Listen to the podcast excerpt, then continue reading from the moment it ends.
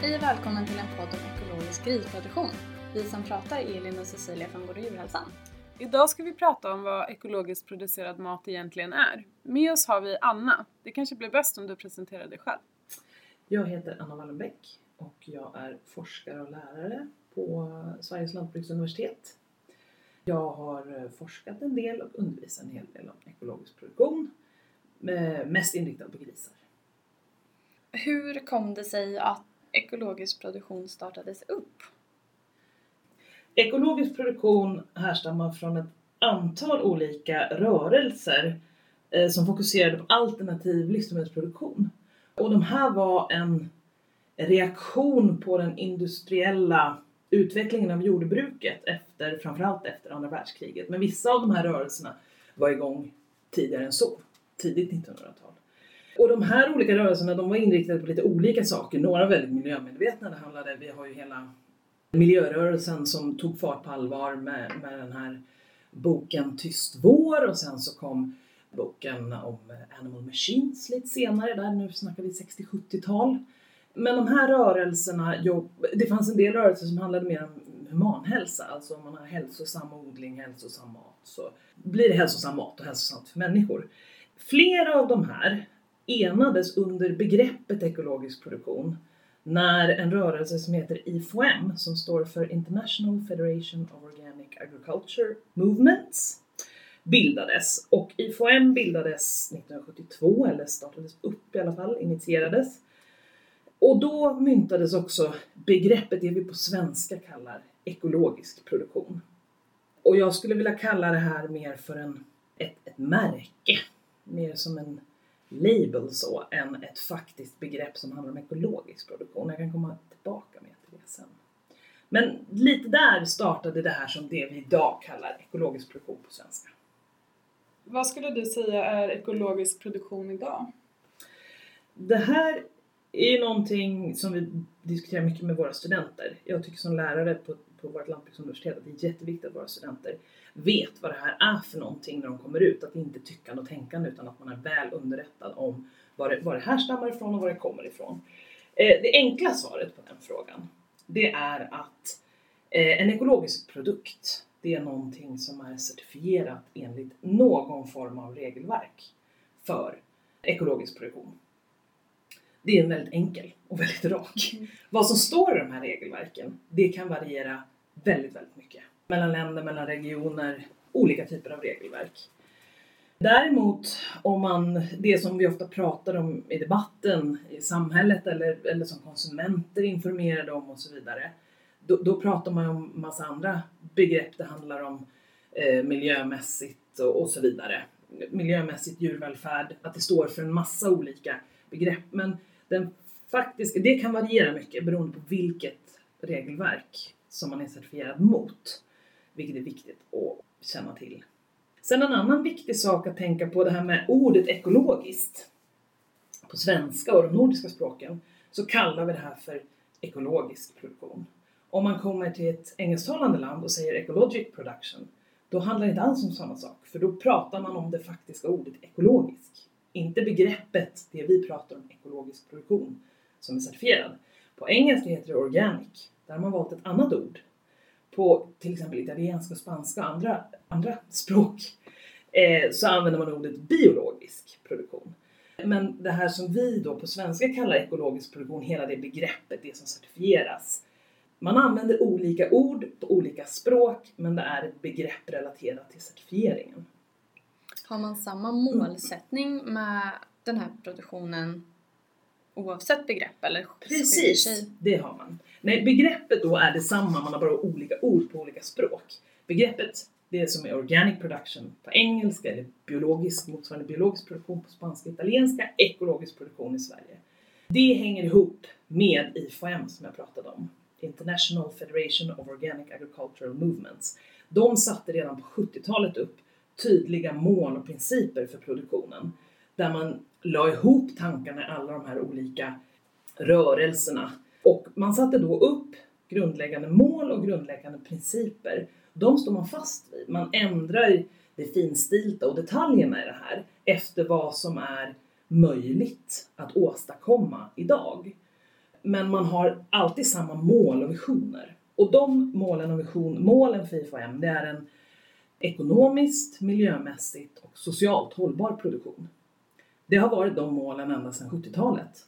Idag är de här begreppen, det kan man läsa i vilken jordbrukspolitisk skrift som helst, men på 70-talet var det inte så. Då var det här väldigt annorlunda och nytänkande. Men det menar inte jag att IFM har monopol eller hade rätt eller så, men jag tycker det är tankeväckande att man satte upp de målen då på 70-talet och står fast vid dem idag. Principerna för ekologisk produktion är de samma. Man kan säga att det här är olika ord men det är samma begrepp i alla länder då. Och de principerna har man inte heller ändrat, de är de samma. Och det är principen för hälsa, principen för rättvisa, principen för ekologi och principen för omsorg. Och det är samma, och de principerna ska man alltid luta sig mot när man utvecklar den ekologiska produktionen. Sen har det här då realiserats i ett antal olika regelverk. IFOM har då egna normer och standarder som är på en lite mer övergripande nivå men som då alla regelverksorganisationer som vill certifiera för ekologisk produktion eller organic production behöver förhålla sig till. Men är det då en global organisation, så säg om jag är i Brasilien och vill certifiera mig, vänder jag mig till IFOAM då? Ja, det gör man. IFOAM är en global paraplyorganisation för ekologisk produktion. Så den verkar globalt. Och det är samma mål och principer i alla länder. Så att oavsett var i världen man är så ska regelverken luta sig mot de principer och mål som IFM har satt upp. Så det är samma globalt. Sen kan ju regelverken ha variationer. Men man arbetar mot samma mål. Så det är från den här då som, i Sverige har vi ju två kända ekologiska produktioner.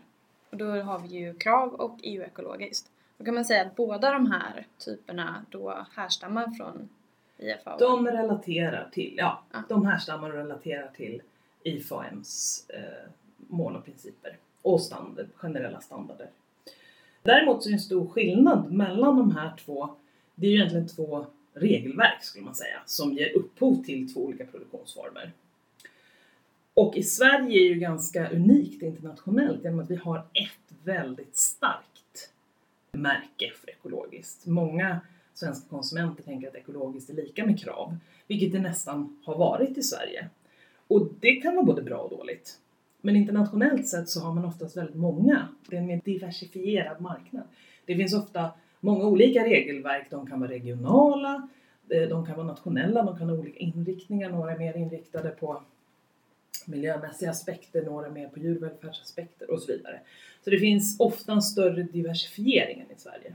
Så det kan finnas för och nackdelar med de här, att ha några få eller många. Och länge var det ju bara krav i Sverige. Numera kan man också certifiera enligt eh, så att säga bara eh, e EUs regelverk för ekologisk produktion. Och då har vi liksom två olika linjer. Roligt med krav tycker jag är att det, var ju, det är så välkänt i Sverige. Nu är det här några år sedan men det gjordes en marknadsundersökning och det var liksom Coca-Cola var det enda märket som var mer känt än Krav då liksom av svenska konsumenter. Så det har ju en väldigt viktig roll i Sverige och det har gjorts många bra saker inom Krav. Men det är en lite unik situation och det kan vara bra att känna till att det är så. Ja, jag tänker ju så här spännande att det var unikt för då låter det som att i andra länder så kanske man har någon form av produktion som är så här, okej okay, nu, nu är det bara djuruppfärd. Medan krav då måste liksom ta alla de här målsättningarna som vi pratade om och liksom ja. se till att alla de här... Passar in. Ja, mm. bra. Ja. Absolut. Och sen är det ju så att enligt de här ekologiska principerna, eller IFOMs principer och mål, så, så ska man ju täcka så brett som möjligt. Men sen kan man ju välja om man, åt vilket håll man, man lutar lite. Så att, sen finns det ju andra certifieringar och märkningar som inte då är ekologiska. Så kring djurvälfärd så är det många länder som har ganska väl utvecklade djurvälfärdscertifieringar och så vidare, men som inte är ekologiska. Så det finns ju andra utanför här, men även inom eko så finns det i många länder en större diversifiering. Men hur kommer det sig, startar de här organisationerna upp ungefär samtidigt eller är KRAV äldre än EU ekologiskt, vilken den borde vara kanske? Ja, men KRAV är äldre än EU ekologiskt och KRAV startade ju upp tidigt 80-tal, 84-85 någon gång. och var faktiskt, som jag har förstått det, eh, även fast jag som forskare inte har en referens på det. Eh, Men KRAV var ett av de första regelorganisationerna som faktiskt akkrediterades av IFOM. Alltså KRAV Sverige har varit väldigt tongivande i alla fall uppstarten av IFOM. Så att KRAV var den första som liksom fick ett eget certifikat och att de följde IFOMs regelverk. Och det började med, om det var en A4-sida, med regler som fy- ett, mindre antal producenter satt ihop eh, på 80-talet. Och sen har det växt. Idag vet vi ju att eh, regelboken är betydligt gedigen. Mm. Så att krav har ju det, det ursprunget, det är producentdrivet, det är mål, krav har väldigt tydliga mål som är väldigt tätt sammanflätade med IFOMs. Alltså man jobbar, målen är att förbättra produktionsformerna mot de här målen. EU-ekologiskt är väldigt annorlunda.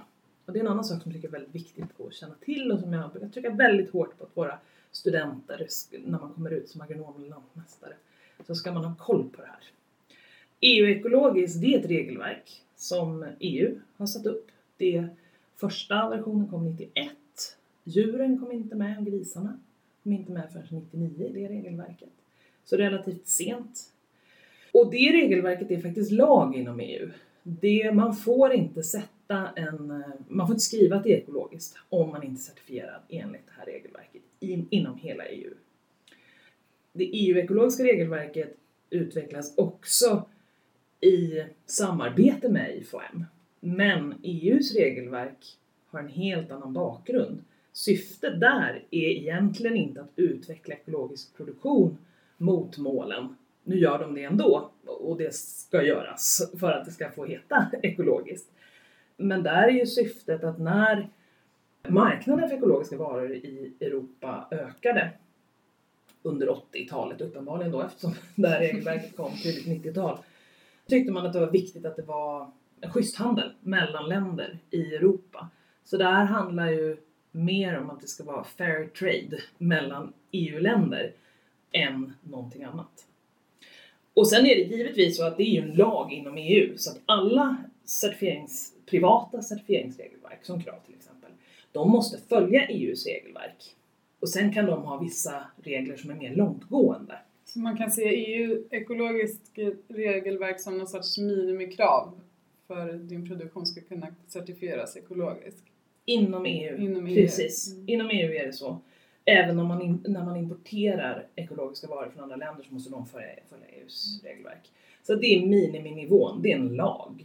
Det skiljer ju, krav är ju inte en lag. Det som händer är att du blir av med din certifiering. Eller så. Ja. Mm. Så att så är det.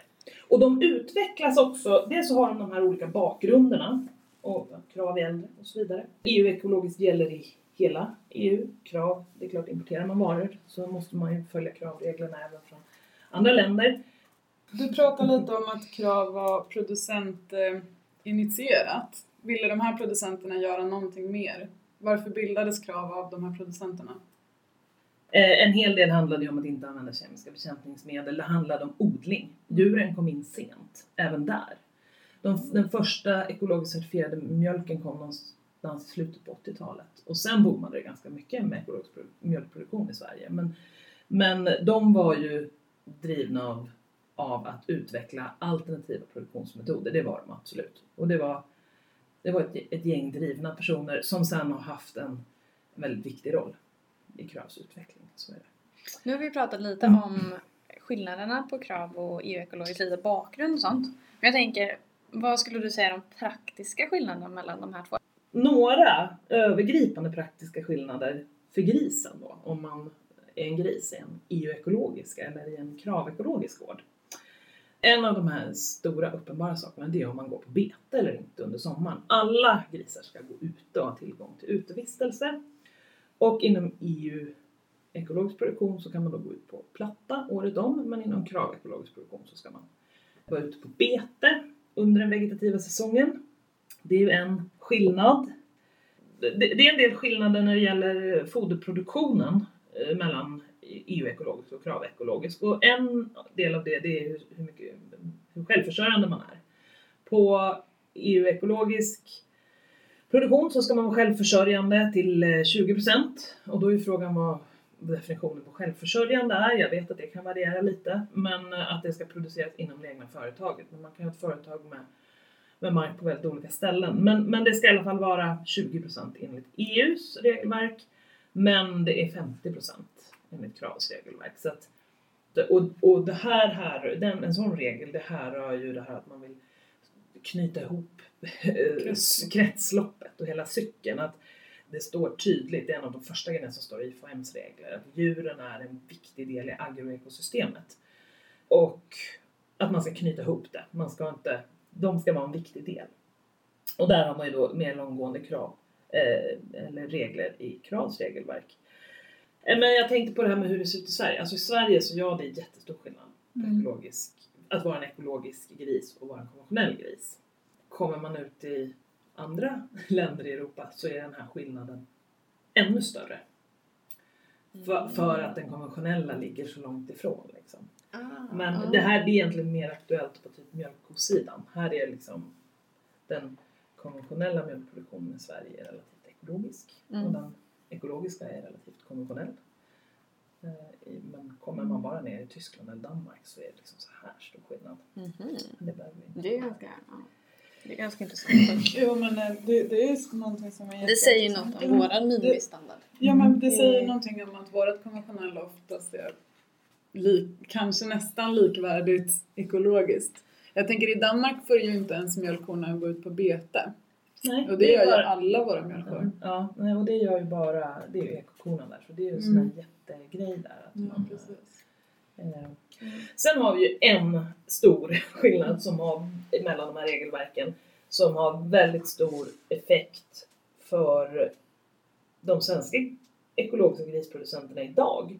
Men det har inte med, med liksom den primära produktionen att göra utan det har med process, när man processar köttet och det är om det är tillåtet att ha nitrit eller inte. Mm. Och det får ju väldigt stora effekter för hur man kan saluföra produktionen. För konsumenter har svårt att köpa brunt kött, typ. och, eh, och, och skärkvarorna blir lite bruna om man inte har nitrit i. Och där säger Krav nej, medan det är tillåtet enligt EU-ekologiska regler. Och det är ju en stor del av, av eh, slaktkroppen som går till, en stor del av köttet som går till, till sånt. Så det handlar mer om till, skillnader i, regler i tillverkningsindustrin. Så det är väl de tre stora jag kan komma på nu som liksom har väldigt stor praktisk betydelse för grisen och för producenterna. Eh, be, har betet praktisk betydelse för grisen? Ja, är det, är det det har det. betet har praktisk betydelse för grisen. Det har väldigt stor betydelse för eh, miljöpåverkan också från produktionen. Det så krävs, och för producenter, det krävs ju väldigt mycket mark. Och den här mängden mark man behöver ha per gris, det, nu är jag djurvälfärdsforskare, har blivit det på gamla dagar. Det hänger inte ihop med djurets välfärd utan det har med eller näringsläckaget att göra, hur mycket yta man behöver per, en, per, per djurenhet för att kunna sprida gödsel på så att säga. Så att ur miljösynpunkt så är det inte nödvändigtvis positivt men det beror väldigt mycket på hur man sköter betet. Och där är jag väldigt imponerad över utvecklingen av hur man sköter grisbeten. Det är väldigt kunskapsintensivt men de som kan det här, de gör det på ett jättebra sätt. Där kan jag lägga in en liten anekdot. De första svängarna jag var i Danmark och tittade på ekologisk grisproduktion, då snackar vi tidigt 20, 2001, 2002. Då hade grisarna fortfarande nosringar i Danmark. Nu har inte jag sett det på sista tiden. Det är ju ur djurvälfärdssynpunkt helt galet. Men betets betydelse för grisen, det är självklart så hänger det ju ihop med hur betet ser ut, om det finns näring, vad det finns att göra. Men grisen är av evolutionen utvecklad till att inte leva på öppna fält utan att leva i skogar och äta rötter och, och böka och beta och det är det de ska göra hela dagarna. Så att en åker är väl kanske inte det mest optimala men det, det här ska det vara lite varierat sådär. Men så länge det finns en viss variation och de kan ko- komma undan solen och de ska ju enligt regelverken ha gyttjebad. det är jättepositivt för djurens välfärd ur alla aspekter. Djurvälfärd, där tittar man ju ja, dels på resursbaserade mått och vad har de tillgång till för resurser i form av mat och yta och så. Men också deras biologisk, den biologiska delen, alltså hälsa, rörelse ja, och så vidare.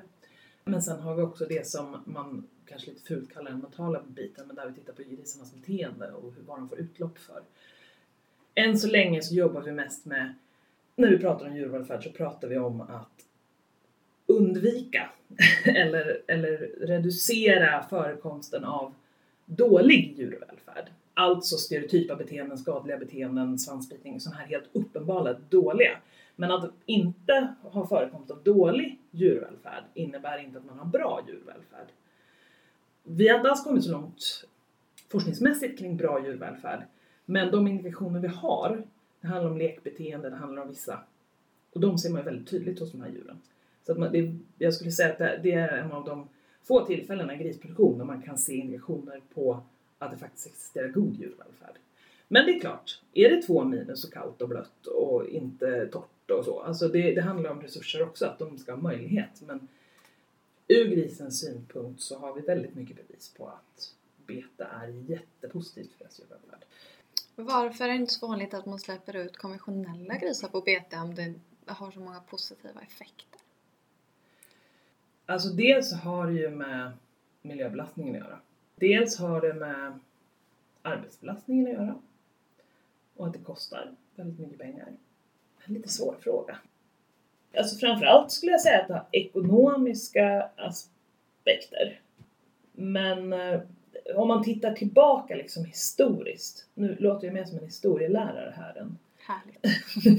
så man hade ju, tittar man liksom tidigt 1900-tal, om vi nu håller oss till Sverige, det var kanske så internationellt också, så då hade man ju sin lilla, det var ju inte så att man hade en hel åker som man släppte ut, släppte ut djuren på, men man hade väldigt ofta en liten utefålla som grisarna kunde gå ut på.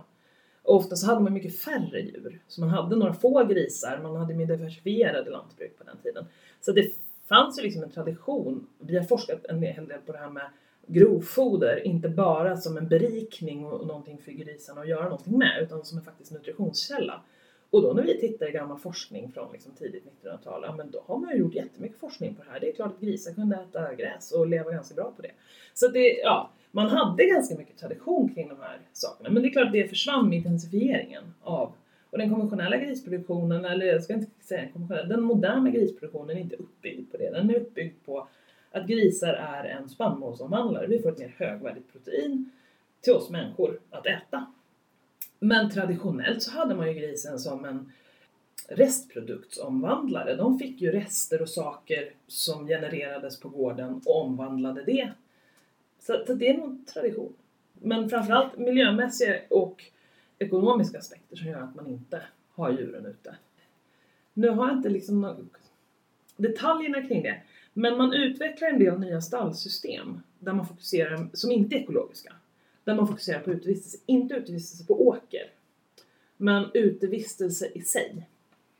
Så du tror kanske att vi ändå i framtiden kommer få lite fler olika typer av kött att välja på? Tror du att det kommer finnas att vi har, för det finns väl lite koncept med utegris och Ja, och andra länder, som i Danmark, där har man liksom frilansgrisen som är något halvalternativ. Det är inte ekologiskt certifierat men man, man fokuserar mer på de här djurvälfärdsaspekterna och utevistelse och så vidare. Och, och det finns ju många sådana exempel från många olika länder. Jag skulle också, alltså många av de här forskningsmässiga framtidsscenarierna man gör så har man all, utevistelse finns alltid med i de här stallbyggnaderna, koncepten och så vidare för att det är en viktig del för grisen men också för konsumenten. Jag har jättesvårt att uttala mig om hur framtidens grisproduktion kommer att se ut. Att ekologisk grisproduktion är här för att stanna och att man måste, men det hänger på marknad och så vidare som inte alls är mina expertisområden. Och hur marknaden och konsumenterna och hela förändringen, det handlar ju jättemycket framförallt om den offentliga konsumtionen. Så att, att ekologisk grisproduktion är här för att stanna permanent är jag relativt övertygad om. Sen omfattningen. Men jag skulle däremot ha svårt att se att Sverige inte skulle få en mer diversifierad grisproduktion. Men i andra segment, alltså någonstans mellan ekologiskt och Alltså att, vi, ja, att det blir mer segmenterat totalt sett. Och där är, tycker och tänker väl olika grupper olika men eh, som jag har sett, eh, inte som jag har sett ekologisk produktion för det handlar inte om hur jag har sett det, men de beskrivningar och så som processen och utvecklingsprocessen ser ut i ekologisk produktion, det man framförallt får när man köper en ekologisk produkt som konsument. Ja, man får ju den här kommunikationen med, med producenten att jag har uppfyllt de här kraven. De, och där som sagt, som jag inledde alltihopa med, det är jätteviktigt att veta att de här kraven, hur de här reglerna ser ut, varierar jättemycket och att de varierar över tid. Så att man får ju någon form av kommunikation med producenten.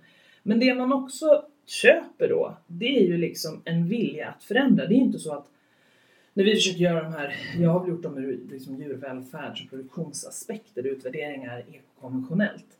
Sådana jämförelser är väldigt ointressanta egentligen. För att det är ju som att jämföra, alltså man jämför helt olika saker. Alltså det man gör det är att man producerar mat, men man gör det på olika sätt. Man stödjer ett försök till att utveckla produktionen åt ett hållbart håll. Sen är det inte så att varje detalj, man kommer aldrig kunna säga att ja, men ekologiskt är bättre och det här är sämre. Jag, när jag har utvärderat, utvärderat djurvälfärd så har jag alltid kommit fram till att den är annorlunda. Men totalt sett kan man inte säga att den är bättre i det ena eller andra systemet. För det beror väldigt mycket på vad man lägger in i det och det finns positiva saker som är mer positiva i vissa system och som är mindre i andra system. Så att där, det handlar hela tiden om den individuella konsumentens egna etiska värderingar och som man, hur man då kan relatera det till de här regelverken. Om man ser ekologisk produktion som, ja men kommer he, ska liksom all produktion i Sverige vara ekologisk och vi har politiska mål där med jättehöga nivåer där man, alltså här mycket ska vara ekologiskt. Och jag tolkar det inte som att det egentligen är att det ska vara ekologiskt certifierat utan det handlar om att man vill utveckla produktionen åt något håll. Och det här är ett alternativ och egentligen på bred front det enda alternativet med certifiering som man har idag.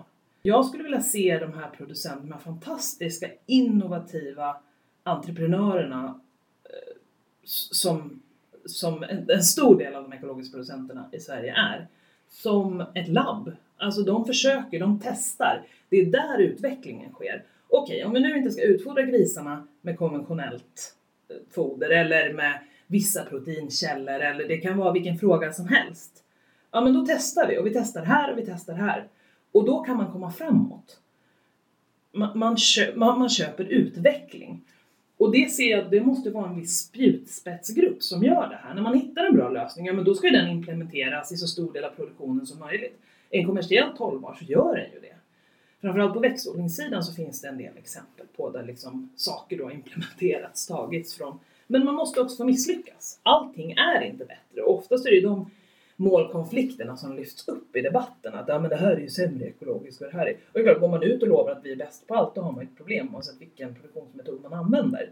Utan man måste ju vara öppen och ärlig. Och med en öppen dialog och utveckling och kunskapskommunikation mellan olika produktionsformer, då tror jag att man kan komma framåt och få en riktig utveckling. Och jag tror att just en diversifiering där man också har andra former. Jag, tr jag tror man kan inte ha 100% av Sveriges bönder och Sveriges livsmedelsproduktion. Nu utförs ju tyvärr en väldigt stor del av Sveriges livsmedelsproduktion utanför Sveriges gränser. Men om vi ser till den livsmedelsproduktionen vi har i Sverige idag så kan inte alla testa och gambla liksom. Men vi måste ha ett gäng som vågar göra det och de måste också få lyckas och de måste få misslyckas och de måste få testa och de måste få betalt för det. Så att en spjutspets, sen kanske man kan ha, och det här pratas ganska mycket om, jag har på Epox har jobbat en hel del med konceptet ekologiskt 3.0 som man kan tycka vad man vill om. Men det handlar ju om alltså, en, alltså att, att, att diversifiera även ekologisk produktion, att vi har mer spjutspets och att vi har vi tillåter till exempel syntetiska aminosyror, att vi tillåter, alltså att vi har någon form av mellanskikt där man, där man kan implementera vissa saker som vi vet är bättre. Vad är det som gör att vi har två olika? Varför går de inte under samma? Ja, anledningen är ju då, som jag sa, EU ekologiskt är en lag så det måste man följa och då är det samma i alla länder. Medan krav har mer långtgående regler på några områden. En annan viktig sak innan vi går in på de detaljerna det är att hur de utvecklas skiljer sig lite grann. För en väldigt viktig sak att veta i och med att ekologisk produktion handlar om certifiering, det är en kommunikation med kund, att man garanterar att produ- och det är inte en certifiering av själva produkten. Det är inte så att man testar grisköttet, ja men det innehåller så här och så här. Utan det är produktionsformen, hur man har tagit fram det här köttet, hela vägen i primärproduktion och hela process. Så att det som certifieras är produktionsmetoden. Men det, det innefattar också, jag tänker typ packning och eh, alltså själva livsmedlet. Mm. Det är ju ända fram till konsumenten handlar i affären. Yes, det, det är det. Mm. En viktig sak att känna till som kravproducent eller som ekologisk producent generellt. Det är att de här regelverken är inte statiska. De utvecklas hela tiden mot målen för ekologisk produktion. Så att så som reglerna ser ut idag så kommer de inte se ut imorgon eller om två år utan de utvecklas hela tiden mot de här målen som sattes upp eh, redan på 70-talet. Så att hela tiden för att förbättra produktionen. Vem är det som gör att processen liksom går framåt? Vem utvärderar systemet så att det hela tiden går mot de här målen? Ja, där har ju IFHM en väldigt viktig roll. Men sen är det liksom, det är ju alla delar i ett sånt här regelsystem. Där sker ju, Krav har ju arbetat fram, tycker jag, min erfarenhet de här 15 åren, jag har varit lite inne i det här, att eh, deras regelrevideringsprocess, det var väl inget fel på den från början, men det var väldigt litet. Den har blivit väldigt bra, väldigt professionell och väldigt systematisk. Det, det sker, den är mer frekvent. Kravs regler eh, förändras mycket oftare än EUs, EU-ekologisk, av olika orsaker. Dels för att organisationens storlek, men också att det är en privat. Och Kravs regelrevideringsprocess, då gör de förslag på förändringar som har kommit in från olika håll. Väldigt ofta är min erfarenhet att det är producentdrivet. Producenter kommer in, speciellt när man har en stark grupp som eh, gjort på trynet, gänget och så, som kan det här i praktiken och mycket är producentdrivet. Det är där innovationerna sker, det är där man löser problemen. Ser man då att här skulle vi kunna ändra. Ett sånt här ett jättebra exempel det var när man vill, det här gå över till 100% ekologisk foder. Där de svenska producenterna var helt, nu var det, handlade det om EUs eh, revidering av sina regler. Där de svenska producenterna sa, ja men nu hoppar vi, det här fixar vi gemensamt. Medan på EU-nivå så bara, det finns inte en chans att vi kan göra det. Så då vart det inte den förändringen. Men det är viktigt att känna till att reglerna hela tiden förändras. De, de ändras oftare inom krav än inom EU ekologiskt. Men det är en kontinuerlig, så att om man ska eh, eh konvertera eller starta upp en ekologisk produktion oavsett om det handlar om växtodling eller djur eller grisar eller så. Så är det väldigt viktigt att känna till det. Att det är inte så att de, här- det här ska jag uppfylla och that's it. Utan det här är en kontinuerlig process, utvecklingsprocess som måste ske i företaget och i verksamheten och att man håller sig uppdaterad på det här. Å andra sidan, all produktion utvecklas. Så att det handlar ju eh, det spelar ingen roll om du är certifierad eller inte, liksom. produktionen och verksamheten måste utvecklas. Men här sker det systematiskt. Och hela regelprocess, revideringsprocessen i krav är, den är öppen. Alla kan komma in med svar på förslagen. Som forskare, jag kan ju inte uttala mig som producent för det har jag aldrig varit. Men jag tror att man känner att man kan komma in med förslag som producent. Det är min uppfattning i alla fall. Som forskare så har det varit helt fantastiskt i vissa fall där, där man har arbetat tillsammans med producenter.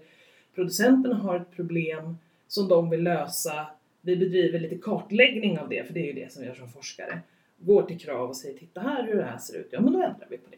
Så att med resonemang och lite långsiktigt tänk så funkar det där jättebra. Och jag tycker att det har blivit process, den vetenskapliga processen är här också, att de, de kommer ofta vilja ha studenter som gör utvärderingsarbeten inför regelrevisioner. Så Allt kan förbättras, men jag är lite imponerad över utvecklingen av Kravs regelrevisionsprocess. EU-ekologiskt då förändras inte lika ofta. Det är då ganska många medlemsstater som ska vara med och tycka och tänka. Eh, De här medlemsstaterna tycker väldigt olika och vi har några sådana här klassiska härdsmältor där man liksom aldrig kommer vidare som syntetiska eller fermenterade aminosyror och så vidare. Det går långsammare men det är en kontinuerlig revidering, revision där. Tanken är bara, säg de här syntetiska aminosyrorna som du nämnde nu. Om Krav skulle känna så här, nej men vi skulle nog tycka att det var okej. Skulle de då få göra, ta in syntetiska aminosyror? Nej. Just den frågan har liksom krav periodvis. Jag är inte uppdaterad på exakt hur diskussionen går nu, men Mm. individuella eh, regelorganisationer kan inte gå emot EUs regelrevision. Nej, det är klart. Vi har ett annat exempel där och det är immunokastrering. Där, Krav är positivt. där krav är positiva, Svenska Jordbruksverket som är, eh, för krav är ju regelägare till, till krav och motsvarande då regelansvarig i Sverige för ekologiska jordbruksverk. Jordbruksverket är också, var också positiva till det. Svenska producenter var generellt positiva till det och EU sa no way.